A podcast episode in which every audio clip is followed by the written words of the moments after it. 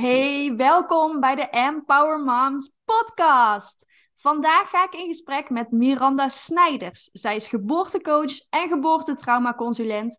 Omdat we ons allebei richten op trauma's, leek het me super interessant om met haar in gesprek te gaan. Welkom Miranda, leuk dat je er bent. Dankjewel, dankjewel. Zeker leuk om hier te zijn. Zou je jezelf nog even kunnen voorstellen? Ja, zeker. Uh, nou, ik ben Miranda Snijders. Ik ben uh, eh, 35 jaar. Ik woon in Gramsbergen. Ik weet niet of mensen dat kennen. Maar uh, dat ligt tussen Hardenberg en Koevoorde. En um, ik ben moeder van twee kindjes. Ik heb een zoontje van vier en een dochter van twee, Riv en Lola. Ik heb dus mijn eigen zwangerschapspraktijk. En daarbij begeleid ik vrouwen die zwanger zijn. En ik um, heb het hersteltraject. Daarmee kan ik vrouwen helpen herstellen van hun geboortetrauma. En de zwangerschapscursus die ik aanbied is vooral anders, zeg maar, onderscheidend, omdat je je vooral emotioneel, mentaal voorbereidt op de bevalling. Want vaak bereiden we ons allemaal wel heel erg praktisch voor. Maar het emotionele, het mentale stuk vergeten we vaak, terwijl dat juist heel belangrijk is. Dus, um, dus dat is wat ik doe. Ja, heel mooi. En ik kan het alleen maar eens zijn met dat mentale stuk, want dat is gewoon super belangrijk. Ja. Hoe jij terugkijkt op je bevalling, hoe jij je zwangerschap hebt beleefd, dat bepaalt hoe jij als moeder bent. Dat heeft een enorme invloed. En inderdaad, daar wordt vaak niet bij stilgestaan. Want nee, absoluut. Nee, al die zwangerschapscursussen houden op hè, tot het moment na de bevalling. Je krijgt informatie tot na de bevalling, maar daarna, ja. dan zul je het allemaal zelf moeten uitzoeken. Heel bizar eigenlijk. Ja, ja, zeker. Ja. Want dat is inderdaad ook het mama-wijstraject wat ik dan aanbied. Heb je vier gesprekken voor tijd, maar ook inderdaad twee gesprekken na de bevalling. Dus ook na de bevalling ben ik er nog voor je. Want wat je zegt, dan houden de meeste uh, cursussen op en zo van, uh, nou, uh, red je maar, bij wijze van. Maar ja, dat klopt. En ik heb het ook, ben ik dit gaan doen, omdat ik heb zelf gemerkt dat het, de zwangerschap hebben mij heel erg veranderd. Ik had twee uh, hele prachtige bevallingen. Mijn zwangerschappen waren iets minder, want ik had heel erg bekkeninstabiliteit. Dus ik ben ook in een rolstoel uh, komen, uh, geraakt, zeg maar. Maar ik merkte wel ook daarna dat ik in één keer heel anders over dingen na ging denken. Dingen die ik eerst totaal niet belangrijk vond, waar ik nu heel lang bij stil stond. Dat ik dacht, wauw, wat is er eigenlijk allemaal gebeurd? En weet je, vroeger als tiener en twintiger dacht ik gewoon, nou, dan ben je zwanger en dan heb je een kind. En dan, nou, klaar, ben je moeder. Maar nu weet ik inmiddels hoe je dat verandert. En toen, ik was gewoon heel erg benieuwd uh, wat, wat dat dan is en, wat daarvoor zorgt. Dus daarom heb ik ook die opleiding gevolgd bij Brun Kuipers. Want um, zij heeft wetenschappelijk onderzoek gedaan naar het moederbrein. Want dat, dat maak je aan. Hè. Als je zwanger bent, dan maak je moederbrein aan. En dat zorgt dus voor dat moederlijke gedrag wat je gaat tonen. Dus daar, daar was ik echt super benieuwd naar. En dat vond ik echt heel leuk om te leren hoe dat dan allemaal is. En sindsdien heb ik zoiets, dit moet iedereen weten. Ja, ja en, en dat moederbrein, hè? Zou, zou je daar nog iets meer over kunnen vertellen? Hoe werkt dat precies? Ja, nou dat uh, maak je al aan als je ongeveer vier, vijf weken zwanger bent. Dus dat is al uh, heel snel. En dat maak je bijvoorbeeld ook aan als het een miskraam wordt of als het een abortus wordt. Dan heb je ook een moederbrein aangemaakt. Je maakt ook voor elk kind een nieuw moederbrein aan. En dat moederbrein dat komt bij je emotionele brein. Want we hebben een werkbrein en een emotioneel brein. En dat moederbrein komt dus bij het emotionele brein. Het is een beetje alsof je een harde schijf hebt waar je een netwerkkaart zeg maar, aan toevoegt. En uh, dat komt door alle hormonen, uh, worden er allemaal nieuwe verbindingen aangemaakt. Dat zorgt dus voor dat uh, moederlijke gedrag. Maar het zegt bijvoorbeeld ook wanneer de bevalling gaat beginnen, wat voor jou een veilige omgeving is. Het kan je echt heel, het, het stuurt alles aan. Het stuurt ook jouw hele bevalling aan. En, en vaak vinden we dat heel moeilijk om te geloven of op te vertrouwen. Want ja, we moeten toch weten welke houdingen kan ik allemaal nemen. Wanneer moet ik de verloskundige bellen? Dat moet ik allemaal weten van tevoren, denk je dan. Maar eigenlijk hoeft dat niet, want je kan gewoon op je lichaam vertrouwen. Want jij voelt wel, oké, nu ga ik de verloskundige bellen. Want uh, nu voelt het wel dat het... Uh, dat het gaat gebeuren. Dus uh, dan hoef je eigenlijk niet te weten, oh oké, ik moet dan en dan. Je kan gewoon op je lichaam vertrouwen. Maar dat is vaak heel erg moeilijk, omdat we dat een beetje kwijt zijn geraakt misschien wel door, uh, of omdat iemand heeft gezegd dat het niet kon, of omdat we zo zijn opgevoed dat je niet op je lichaam kan vertrouwen. Dat kan van alles zijn. Maar vaak negen maanden dragen we ons kindje en dan vertrouwen we er wel op dat ons lichaam ons kindje groot kan brengen. Maar als we dan gaan bevallen, dan denken we vaak: oh, ik heb en een verloskundige nodig die mij vertelt wat ik moet doen, en een cursus die precies vertelt wat ik moet doen.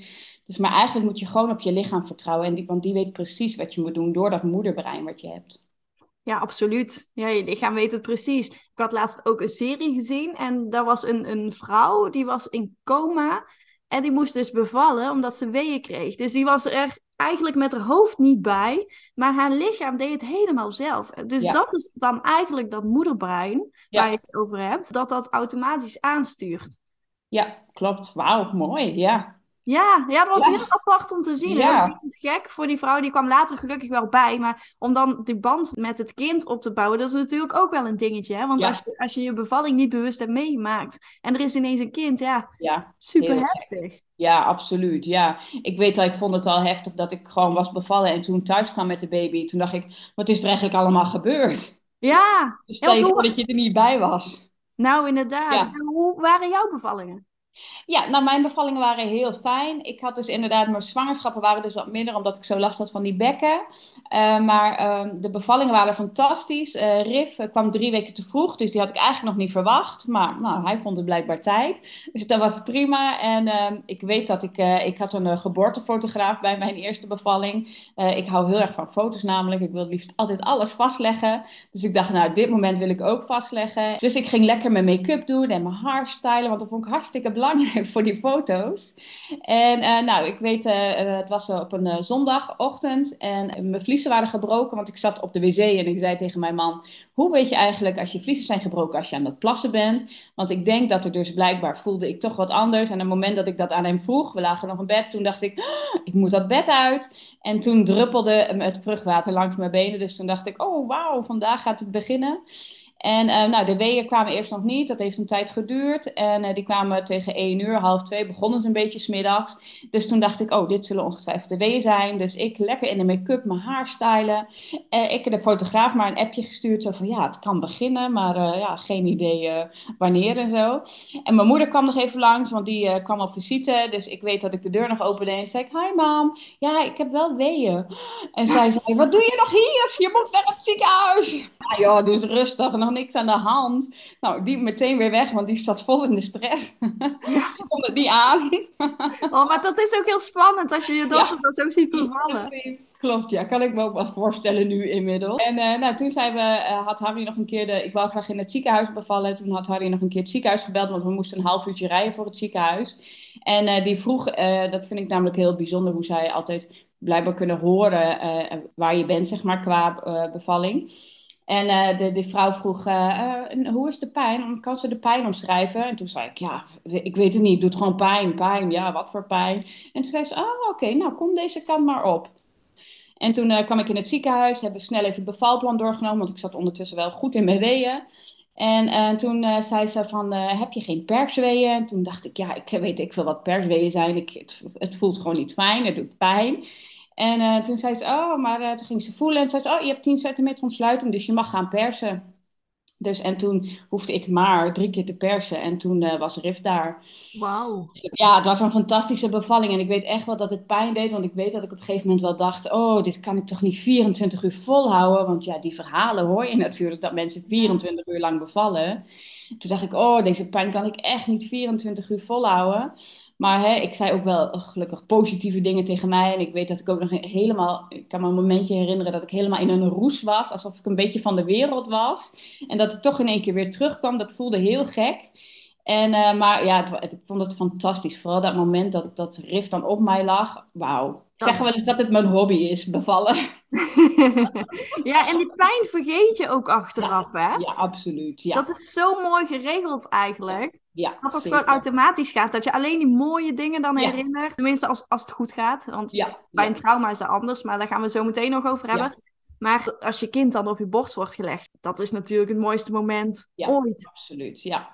En ik vond het ook heel bijzonder, want ik wou graag dat Harry en mijn man uh, uh, allebei mijn kinderen aanpakten. Dus dat vond ik ook een heel mooi momentje. Dus daar kon ik ook heel blij van worden. Dus, uh, en dat vond hij ook heel leuk en heel bijzonder. Dus ja, dus eigenlijk heb je wel een hele mooie bevalling gehad. Ja, ja want Lola die kwam natuurlijk daarna. Die was ook, uh, ook net zo mooi. Zij kwam uh, anderhalve week te vroeg. Dus voor mij voelde dat als anderhalve week over tijd. Want ik dacht, nou ja, Rif kwam ook drie weken te vroeg.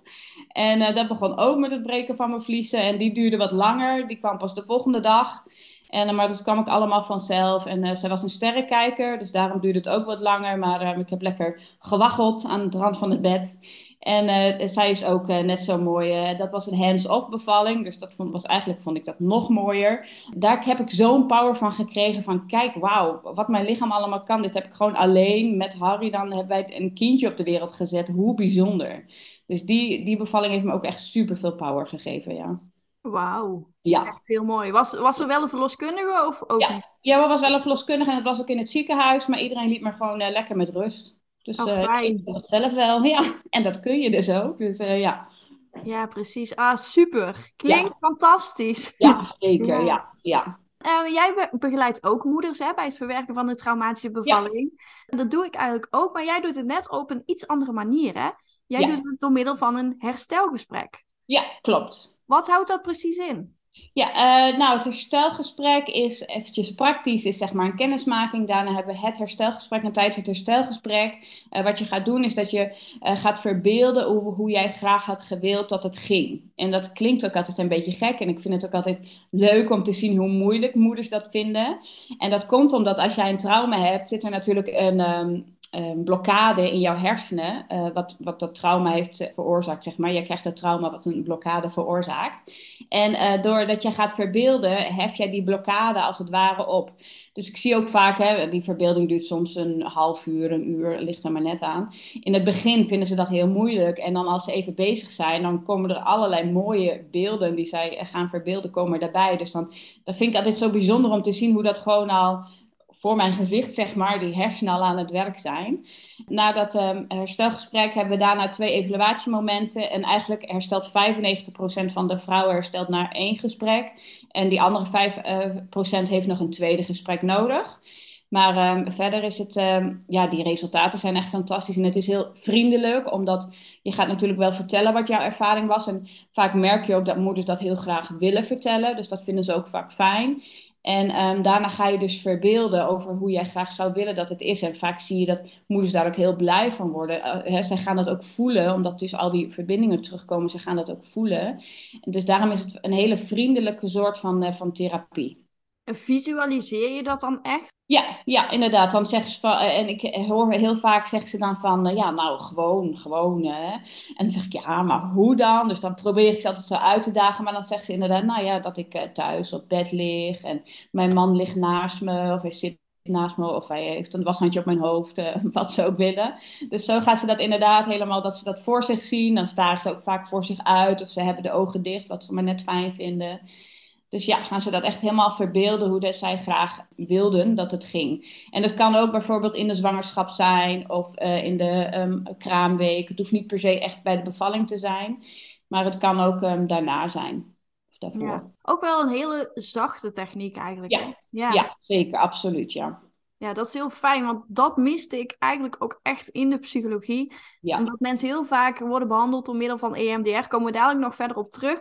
Maar ik ben ook heel lang op zoek geweest naar een zachte, fijne techniek. Omdat ik dacht van ja, hè, de reguliere traumabehandelingmethodes, die zijn eigenlijk niet heel erg fijn voor moeders. Voor net bevallen moeders. Hè. Dat kost heel veel kracht, kost heel veel tijd, kost heel veel energie. Je bent er niet mee klaar in één sessie. Het duurt vaak maandenlang voordat het traject is afgerond. Dus dat is super zonde. Dus hoe kunnen we dat op een zo fijn mogelijke manier doen? Ja, heel fijn dat er dus verschillende mogelijkheden bestaan. Want ja, bij mij hebben mensen ook één sessie van twee uur nodig en dan is het ook verwerkt. Net als bij jou, 95% van de mensen heeft daar in twee uur baat bij. Nou, ik vind het wel mooi om te zien van hè, mensen kunnen kiezen uit verschillende technieken. En het helpt dus allemaal. Het is ook allemaal eh, wetenschappelijk bewezen, hè? dus dat is heel tof. Ja, en dat is denk ik ook inderdaad heel belangrijk dat hè, als je naar een dokter gaat of naar een verloskundige, dat die jou een keus geeft. Want vaak werkt het beste wat, het, wat voor jouw gevoel het beste bij jou past. Al, eh, En het, de persoon wie het is, heeft al invloed op je.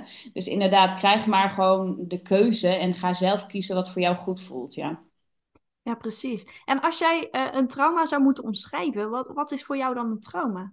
Ja, nou, ik merk altijd dat dat woord vaak heel beladen is. Uh, hè? Of dat dat, ja, nou ja, dan zeggen ze, het was geen trauma, het was gewoon niet leuk, maar het was geen trauma. Dus ja, ik, ik vraag vaak, uh, met welk gevoel kijk jij terug op je bevalling? En als dat niet een fijn gevoel is, dan denk ik, ja, dan is dat een trauma, want dat hoeft niet. Je kan wel met een mooi gevoel erop terugkijken. Dus ja, zo, klein is het al. Ik heb bijvoorbeeld een voorbeeld van een trauma. Ehm, die vrouw uh, ging bevallen. En terwijl zij aan het bevallen was, merkte zij dat zij zo'n um, oerkreet moest uitschreeuwen die sommigen in één keer zo gek genoeg uit het niks krijgen. En op dat moment zei de verloskundige tegen haar: niet schreeuwen. Wat de verloskundige natuurlijk met eh, de beste bedoelingen zei, omdat hè, je moet je krachten sparen en dat soort dingen. Maar op dat moment dacht zij: Oh, maar mijn lichaam zegt ik moet schreeuwen, maar dat moet niet, want de verloskundige zegt dat moet niet. Dus ik moet niet luisteren naar mijn gevoel. En op dat moment was zij helemaal de connectie kwijt met haar lichaam en heeft zij dus een trauma gekregen daarvan. Dus zoiets simpels als een verloskundige die tegen jou zegt: Oh, niet schreeuwen, kan jou al een trauma opleveren. Ja, ja, echt als mensen zich niet gezien of gehoord voelen. Ja, precies. Het hoeft allemaal niet per se heel gecompliceerd te zijn, wat natuurlijk wel kan, want ook dat roept vaak een trauma op. Maar ja, het kan ook echt een simpele opmerking zijn als iemand iets tegen jou heeft gezegd wat je enorm raakt. Uh, doordat je helemaal uit balans raakt, bijvoorbeeld. Of doordat het jou doet herinneren aan iets wat jij vroeger hebt meegemaakt. Ja. dat is super heftig. Ja, precies. Zo had mijn laatste uh, moeder die hier was, die het kindje ging niet meteen op haar borst uh, leggen.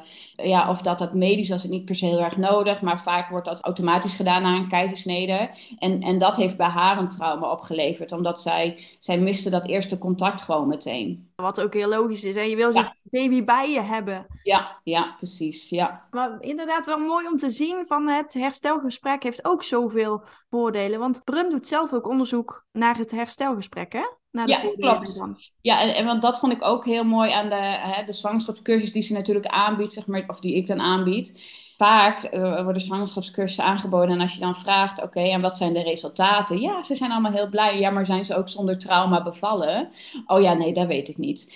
Dus nou ja, en hè, daarom vind ik het zo fijn. Brun doet altijd onderzoek naar alles. Dus daarom vind ik het ook zo gegrond wat ze dan doet. Maar dat klopt inderdaad, want ze heeft dus onderzoek gedaan naar een trauma en hoe dat dan ontstaat. En nu doet ze ook onderzoek naar, zo beval traject heet dat dan. En de resultaten die dat opleveren bij de moeders, gaan ze ook echt traumaloos bevallen. Want dat traject wat ik aanbied, ik kan moeders helaas niet zwart op wit geven dat ze geen trauma krijgen. Want er kunnen altijd omstandigheden zijn die daarvoor zorgen. Maar doordat ik ook uh, na de bevalling er meteen voor ze ben, kunnen ze wel snel herstellen doordat we dan het herstelgesprek doen. Dus, dus de gezondheidsschade zeg maar, die ze ervan oplopen is heel klein. Ja, dus dat klopt, ja. Nu ook bezig met het schrijven van een boek uh, over alle um, geboortetrauma's, alle verhalen die ze gehoord heeft. Want uh, ze zegt die verhalen moeten geschreven worden. En het zorgt ook vaak voor veel herkenning bij andere moeders die dat hebben meegemaakt. Die, die het dan ook makkelijker vinden om hun verhaal te delen. Ja. Als je verhalen hoort van anderen, dan maakt het gewoon makkelijker om jouw verhaal ook te delen met anderen. Omdat je denkt van, hé, hey, ik ben niet de enige die het heeft meegemaakt. Het gebeurt zoveel. Eén op de drie vrouwen krijgt te maken met een traumatische bevalling. Dat, ja. dat is toch echt bizar veel. Ja, ja, vind ik ook heel veel. Ik merkte dat ook. Ik ben dit ook gaan doen omdat ik had natuurlijk twee hele fijne bevallingen. Dus misschien denk je dan, uh, waarom ga je dat doen? Maar als ik dat vertelde in mijn omgeving, eh, kreeg ik bijna van iedereen terug. Nou, je bent de enige die ik ken met zo'n bevalling. En de rest waren alleen maar um, verdrietige verhalen, zeg maar. Dat ik dacht, wauw, dit, dit moet niet, dit moet anders. Dus, uh, en hier moet een oplossing voor zijn. Want heel veel vrouwen vinden het inderdaad ook heel moeilijk om hulp te vragen. Wat ook wel een, um, wat je vaak ziet bij moeders met een trauma, is dat uh, hun, um, hun, zelfzorg is stuk. Dus ze kunnen heel moeilijk hulp vragen. Dus hè, ze denken vaak, nou ja, het kindje is gezond, uh, dus ik mag niet zeuren als moeder, gewoon doorgaan. Terwijl dat is zo belangrijk, want jouw kindje reageert ook op jou. Die voelt ook als jij niet goed in je vel zit. Hè, vaak zegt ze, blije baby, blije mama. Maar ik zeg ook vaak, blije mama, blije baby. Hè, want jouw baby voelt precies hoe jij je voelt. Dus uh, blijf daar inderdaad niet mee rondlopen, maar zoek gewoon hulp. En uh, uh, wat je zegt, jouw, jouw techniek en mijn techniek, het is zo vriendelijk en niet zo ingrijpend als bijvoorbeeld EMDR, wat vaak wel een lang traject is. Ja, maar dat is het ook. Ik, het helpt heel goed hè, voor heel veel mensen, EMDR, voor uh, trauma's, verschillende trauma's. Echt waar, er zijn heel veel goede resultaten. Ja. Maar het kan zoveel zachter, het kan zoveel fijner dat je er niet uh, na je sessie drie dagen van moet bijkomen. Nee. Want als moeder heb je daar gewoon geen tijd voor om dat te doen. Je moet zorgen voor je kindje. Je wilt weer goed in je vel zitten. En voordat mensen überhaupt die stap nemen om überhaupt hulp te zoeken, ja, dan zijn ze vaak ook alweer maanden of zelfs jaren verder. Want dat is ook een enorme stap om te doen. Dus ja, hoe fijn is het dan als je het laagdrempelig maakt? Ja, ja, precies. En merk jij ook dat uh, als je het dan vertelt over wat je doet, dat je dan vaak in de alternatieve hoek neer wordt gezet? Ja, ja, ja, ja, ja je krijgt ook vaak, oh, wordt het dan vergoed? Maar ja, nee, inderdaad, nee, dat wordt het niet. En, hè, en dat was, hadden we het laatst natuurlijk over dat jij dat zei, nee, het wordt niet vergoed, want het werkt, zei, uh, zei een vriendin van jou toch tegen jou. En toen dacht ik, ja, inderdaad, dat is wel, hè, want uh, de gezondheidszorg stelt zulke gekke eisen eigenlijk aan wanneer iets vergoed wordt. Dat zei Brun ook. Uh, ze zegt nee, ik, eigenlijk wil ik niet vergoed worden. Want dan betekent het dat je eigenlijk inderdaad niet naar uh, de persoon kijkt of naar de oorzaak kijkt. Vaak geven we dan een, een medicijn of een middel om de klachten weg te halen, maar we halen niet de oorzaak weg. En dat is inderdaad met deze therapieën doe je dat wel. Ja, maar het is zo belangrijk om te kijken naar wat heeft een persoon nodig. In plaats van gewoon een standaard protocol te volgen. Ja. ja, ik merkte dat ook echt tijdens mijn stages in psycholoogpraktijken. Hè. Er wordt gewoon gekeken, oké, wat is de vervolgstap? En eigenlijk niet echt, hè, wat heb jij nodig? En er wordt zo snel medicatie voorgeschreven. Terwijl ik inderdaad ook denk van, pak die oorzaak aan in plaats van de symptomen. Want als je de oorzaak aanpakt, dan gaan die symptomen ook vanzelf weg. En als jij bijvoorbeeld medicatie krijgt of wat dan ook, dan zit je daar maanden of jarenlang aan vast. En op het moment dat je daarmee stopt, ja, dan ben je weer terug bij af. Ik ben een groot voorstander van uh, de oorzaak aanpakken. Ja, precies. En ja, jij begeleidt ook zwangeren, hè? Ja, Klopt, ja. Nou ja, want ik deed dus eerst de geboortetrauma-opleiding tot uh, geboortetraumaconsulent. En, maar eigenlijk ja, willen we natuurlijk dat ons werk eigenlijk niet meer bestaat. Eigenlijk willen we het liefst dat moeders gewoon allemaal bevallen zonder trauma. Dus daarom dacht ik wel, uh, hoe, uh, en daar, daarom heeft Bruno die opleiding ontwikkeld, hoe kunnen we nou voorkomen dat die moeders een trauma krijgen? En daarom bied ik inderdaad het mamawijs traject aan. En dat zijn dus um, vier gesprekken tijdens jouw um, zwangerschap. En je krijgt er een werkboek bij. Um, ik bevalling vertrouwen heet dat werkboek. En dat werkboek heeft vier hoofdstukken, vandaar vier gesprekken. Dus elke keer voor een gesprek vul jij voor jezelf zelf zo'n hoofdstuk in. Het eerste hoofdstuk gaat heel erg over jou en uh, wie jij bent. Want um, het is heel erg um, mooi om te zien um, hoe uh, jij bent opgevoed. Hoe zo'n invloed dat op jou heeft, hoe jij nu keuzes maakt. Hoe er vroeger op jou werd gereageerd, hoe jij gezien of gehoord bent of juist niet. Uh, dat zegt zoveel over hoe jij nu keuzes maakt. Want als je gaat bevallen, kom je natuurlijk voor honderden keuzes te staan. En door jouzelf zo goed te leren kennen, weet jij ook, oh wacht, als ik straks een keuze krijg of als er iets gebeurt waar ik mij niet op heb voorbereid, dan ga ik zo reageren. Oké, dan weet ik dat ik dit en dit moet doen. Misschien moet ik dan tegen mijn partner zeggen, eh, in zo'n situatie moet jij eh, dit en dit doen of hè, iets in die trant.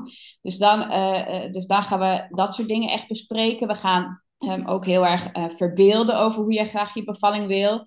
Omdat um, ik ben ervan overtuigd, hè, en dat laat ook die onderzoek ook zien, hè, niet alleen ik ben ervan overtuigd, dat als jij gaat verbeelden hoe jij graag iets wil, dat het dan ook zo gaat gebeuren. Omdat jij gaat als het ware jouw, jouw hoofd en jouw lichaam voorprogrammeren. Want dat is ook hoe topsporters vaak um, werken. Die, die hebben, halen van die fantastische resultaten omdat ze ook psychisch gaan trainen. Dus ze bereiden zich voor alsof ze die wedstrijd winnen ik weet niet precies hoe ze dat doen, want ik ben geen topsporter. maar uh, die hè, gaan zich dan helemaal verbeelden hoe zo'n wedstrijd gaat. Dus jij gaat je ook helemaal verbeelden hoe zo'n uh, bevalling gaat. En dan zeggen ze vaak, ja, maar dat kan toch niet, want er komt altijd wel iets tussen. Maar omdat jij jouw lichaam gewoon zo voorprogrammeert, ga je er ook alles aan doen om dat zo te krijgen, dat het zo gaat. Ja, en jouw brein maakt ook geen onderscheid tussen of het daadwerkelijk gebeurt of dat het in je hoofd gebeurt. Ja. Dus het moment dat jij je daarop voorbereidt, voor je brein is dat echt. Ja, dus dan, ja, dan zorg je er ook sneller voor dat als je daadwerkelijk dan in die situatie zit, dat je ook daadwerkelijk sneller die resultaten kunt gaan behalen. Ja, ja. ja. En ik merk net, en zoals je net al zei, wordt dit ook vaak in de zweverige hoek uh, gegooid. En het is wel grappig, want ik ben zelf heel erg nuchter. Ik ben absoluut niet zweverig. Maar hè, ik, ik zie ook en ik merk ook hoe dit werkt. En um, vaak moeten we eventjes over die hobbel. Ik weet dat ik, um, nou, uh, ik denk uh, 15, 10, 15 jaar geleden voor het eerst uh, met mindfulness in aanraking kwam. Dat, kwam. dat boek heette Mindfulness afvallen. Hè, ik had alles geprobeerd. Dacht ik, nou, misschien werkt dit wel. En toen moest je zeg maar zo'n bodyscan en dat soort dingen doen. Het voelde super ongemakkelijk. Maar eigenlijk ben ik er daardoor wel een beetje mee in aanraking gekomen. En ben ik er meer onderzoek naar gaan doen. En hè, kan ik eigenlijk niet langer ontkennen dat dat echt zo werkt. Dus waarom zou ik het dan ook blijven ontkennen? Omdat het misschien een beetje ongemakkelijk voelt. Maar ga het maar gewoon eens doen. Hoe vaak je het doet, hoe minder ongemakkelijk het voelt. En je gaat ook zien dat het werkt. Dus dan... Um... Ja, en vaak zeggen ook mensen dat het alternatief is, omdat ze het niet kennen. Ja. Dat het niet bekend is. Ja. Maar het is niet alternatief wat wij doen. Het, het Nee. werkt gewoon supergoed. Het is Ja. bewezen. Hè? Ja. Het werkt supersnel. Ook al mijn cliënten ervaren positieve resultaten na een zeer korte tijd. Het is absoluut niet alternatief, maar het is gewoon niet bekend bij het grote publiek. Nee. Dus op het moment dat het bekender wordt, dan zal het vanzelf meer als een normale behandeling Klopt. ja, te boek staan eigenlijk. Ja, ja. En tijdens het vierde gesprek hebben we het ook heel erg over de kraamtijd. Want dat vergeten we ook vaak als we zwanger zijn. Want ja, dat is nog zo ver weg.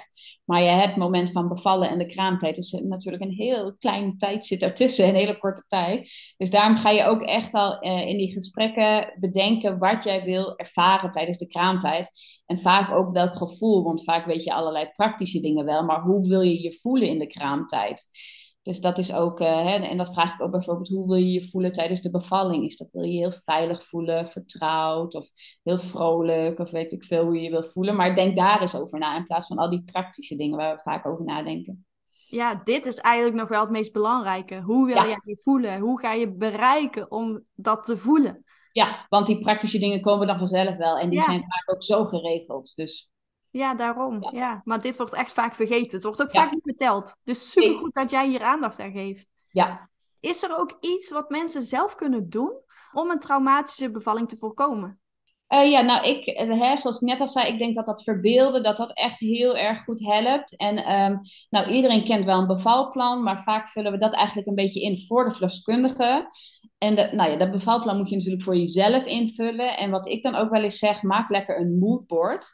Want eh, zeggen hoe je je wil voelen vinden we vaak lastig of moeilijk om te omschrijven, wat, wat heel logisch is. Maar vaak laten plaatjes of bepaalde kreten en uitspraken, die eh, laten dat gevoel wel goed overkomen. Dus daarom zeg ik, maak in plaats van een bevalplan lekker een moodboard. Ga lekker creatief aan de slag. Dat vond ik zelf ook heel erg leuk. En het is ook een hele mooie manier om ehm, lekker met je bevalling bezig te zijn tijdens je zwangerschap. Hè? Want dan ben je eigenlijk ehm, indirect ook een beetje aan het verbeelden hoe het allemaal gaat zijn. Omdat je ziet dan misschien wel eh, zonsondergang. En dat je denkt, oh ja, ja dit wil ik een beetje voelen, warmte of iets. En dan denk je, eh, dus dan ben je al aan het verbeelden over hoe je je wil gaan voelen tijdens de bevalling. Dus dat, eh, dat is een, een, een goede manier om, om je vast voor te bereiden op de bevalling. Maak een moodboard eh, als bevalplan. Die kun je dan lekker thuis eh, ophangen, zodat anderen het ook zien. En je wordt er elke dag aan herinnerd. Dus dan ga je vanzelf ook elke dag een beetje erover verbeelden, over nadenken. Je kan hem ook lekker meenemen naar je verloskundige, hè, omdat plaatjes is lekker visueel. Dus vaak kun je dat goed overbrengen wat je dan wil. Dus zo'n moodboard is multi-inzetbaar. Ja, precies. Ja, dan ben je er ook dagelijks mee bezig. Als je er een paar keer per dag naar kijkt en je roept een Ja. gevoel steeds op en dat wekt dan vertrouwen. Ja, precies. Ja. Ik vind het ook altijd wel, wel goed om te zeggen van, je kunt niet altijd een traumatische bevalling voorkomen. Er zijn wel kleine dingetjes die je kunt doen inderdaad, ehm, die effect hebben. Maar het kan ook anders gaan dan jij van tevoren had gedacht. En het kan ook zijn dat gewoon een opmerking jou ontzettend raakt. Ja. Ehm, dus je hebt niet altijd 100% invloed. En het is ook zeker niet jouw schuld op het moment dat jij een traumatische ervaring meemaakt. Nee. Dus dat, ja, dat wil ik nog wel even benadrukken. Ja, absoluut. Ja, goed dat je dat zegt. Ja hoor. Ja, niet dat mensen zich schuldig gaan voelen, want Nee. eh, het kan iedereen overkomen, echt iedereen. Ja, zeker. En wat is jouw nummer één tip voor moeders die een traumatische bevalling hebben gehad? Nou, ik denk, blijf erover praten en, en ga erover praten. Want vaak eh, vinden we dat heel moeilijk of heel spannend. Of voelen we ons een beetje de zeur van heb je haar weer die over die bevalling wil praten. Maar dat is juist super belangrijk, want door erover te praten met anderen ga je het verwerken. Dus ook al vertel je het misschien voor de honderdste keer aan je partner, blijf dat gewoon doen. En eh, vraag dan ook aan hem als je merkt dat hij het niet wil. Maar ik heb dit nodig, eh, dus ik heb nodig dat je nu naar me luistert. Dus hè, ga er veel over praten. En ehm, je kan dus altijd ons contacten, maar je kan ook gewoon mensen in je omgeving die, die veilig voelen en die vertrouwd voelen. Zeg bij, bij wijze van tegen ze, je hoeft nu alleen maar naar me te luisteren. En dan ga jij gewoon jouw verhaal vertellen. Want dat is heel belangrijk, dat je er niet mee blijft zitten, maar het gaat delen. Ja, zeker. Ja, praat erover. Krop het vooral niet Ja. op. Nee, precies. Nee, Nee. nee. En ook al denk je van, oh, moet ik het nou weer vertellen? Ja, Ja, ja, helpt. nou, inderdaad. Ja, ja, ja. want eh, en vaak zie je ook dat je dan elke keer net wat anders vertelt. Alsof er dan weer iets omhoog komt of zo, omdat je ermee bezig bent. ja. Maar het helpt heel goed bij de verwerking. Want juist als je het opkomt, die emoties die blijven in je lichaam aanwezig. En sowieso, alles wat je meemaakt slaat zich ook op in je lichaam. Hè? Het is niet alleen dat mentale stuk, maar het is ook het lichamelijke stuk. Zoals je daar straks al zei, je cellen slaan dat ook allemaal op. Dus het is ook belangrijk om niet alleen mentaal dingen te gaan verwerken, maar ook lichamelijke dingen te gaan verwerken. Ja, klopt. Want daar was ook mijn laatste cliënt. Die heeft uh, een traumatische bevalling gehad. En zij had uh, eh, EMDR gehad. En voor haar gevoel dacht zij van... Nou, volgens mij is het wel opgelost. Is het klaar? En zij was nu opnieuw zwanger. En um, ze was ongeveer twaalf weken zwanger. En toen zei ze, het kwam allemaal weer terug. Al die gevoelens kwamen weer terug. Dus hè, die nieuwe zwangerschap was voor haar weer een trigger. Omdat, wat je net zegt, in jouw, cel, in jouw cellen is dat allemaal, uh, zijn die, uh, die negatieve ervaringen allemaal opgeslagen. Dus dat komt dan weer terug. Ook al denk jij misschien, nou uh, klaar, ik heb het er niet meer over, dan is het er ook niet meer. Jouw lichaam heeft dat wel opgeslagen. Dus bijvoorbeeld een trigger als een nieuwe bevalling. Maar dat kan ook zijn als jij misschien weer in het ziekenhuis komt waar het is gebeurd. Of hè, dat er een trigger is waardoor die gevoelens in één keer weer terugkomen. Ja, precies. Ja, dat kunnen echt de kleinste triggers zijn. Ja, ja. Als je kindje huilt of... Ja. ja. Ook altijd tijdens mijn uh, trauma buster techniek sessies werken we ook echt lichamelijk. We gaan ook echt kijken van... Uh, Waar voel jij dat in je lichaam? Die brok in je keel of die knoop in je maag of uh, die druk op je borst. En vooral dat geven we ook aandacht. Daar gaan we ook mee aan de slag. Dus dat is zeker belangrijk om ook mee te nemen. En dat het niet alleen dus uh, mentaal is. Ja. ja. Als mensen meer over jou willen weten, waar kunnen ze dan meer over jou vinden? Uh, nou, je kan op mijn website, dat is mamawijs.nl. En um, op Instagram kun je me ook vinden, heet ik ook Mamawijs. Daarnaast heb ik ook zelf een podcast, dus uh, ook Mamawijs voor de herhaling. en um, uh, ik ben ook op YouTube en daar ga jij straks ook te vinden zijn. Hè, want deze podcast, deze podcast wordt ook op video opgenomen. Dus mocht je ons willen zien, kun je ons vinden op YouTube. En daar heet ik ook Mamawijs. Dus heel wat uh, manieren om uh, contact op te nemen met mij. Je mag altijd gewoon een berichtje sturen. Vrijblijvend vind ik ook heel erg leuk. Om uh, via de DM op Instagram heb ik ook altijd leuke gesprekken met moeders. Dus dat vind ik ook heel leuk. Ja, superleuk. Ik wil je enorm bedanken, Miranda, voor jouw expertise, voor alles wat je hebt verteld. Ik hoop echt dat we vrouwen hier meer bewust van hebben kunnen maken. En het is goed om eens een keer ook een andere visie te horen en te weten van nee, er zijn gewoon meer mogelijkheden om een trauma te verwerken. Dus schaam je er ook vooral niet voor op het moment dat je een trauma hebt. Blijf er ook niet mee rondlopen, want het gaat vaak niet vanzelf weg. Dat is gewoon super belangrijk om, uh, om mee te nemen. Dus vandaar ook dat we samen deze podcast hebben opgenomen. Want uh, ja, samen kunnen we meer bereiken dan alleen. Zeker. Dus dankjewel voor het gesprek. Dus wil je meer weten over Miranda, ga dan naar haar website of volg haar op Instagram. Wil je meer weten over mij, hoe ik jou eventueel kan behandelen, ga dan naar empowermoms.nl of volg me op Facebook of Instagram op empowermomsnl. Bedankt voor het luisteren allemaal of voor het kijken en tot de volgende keer.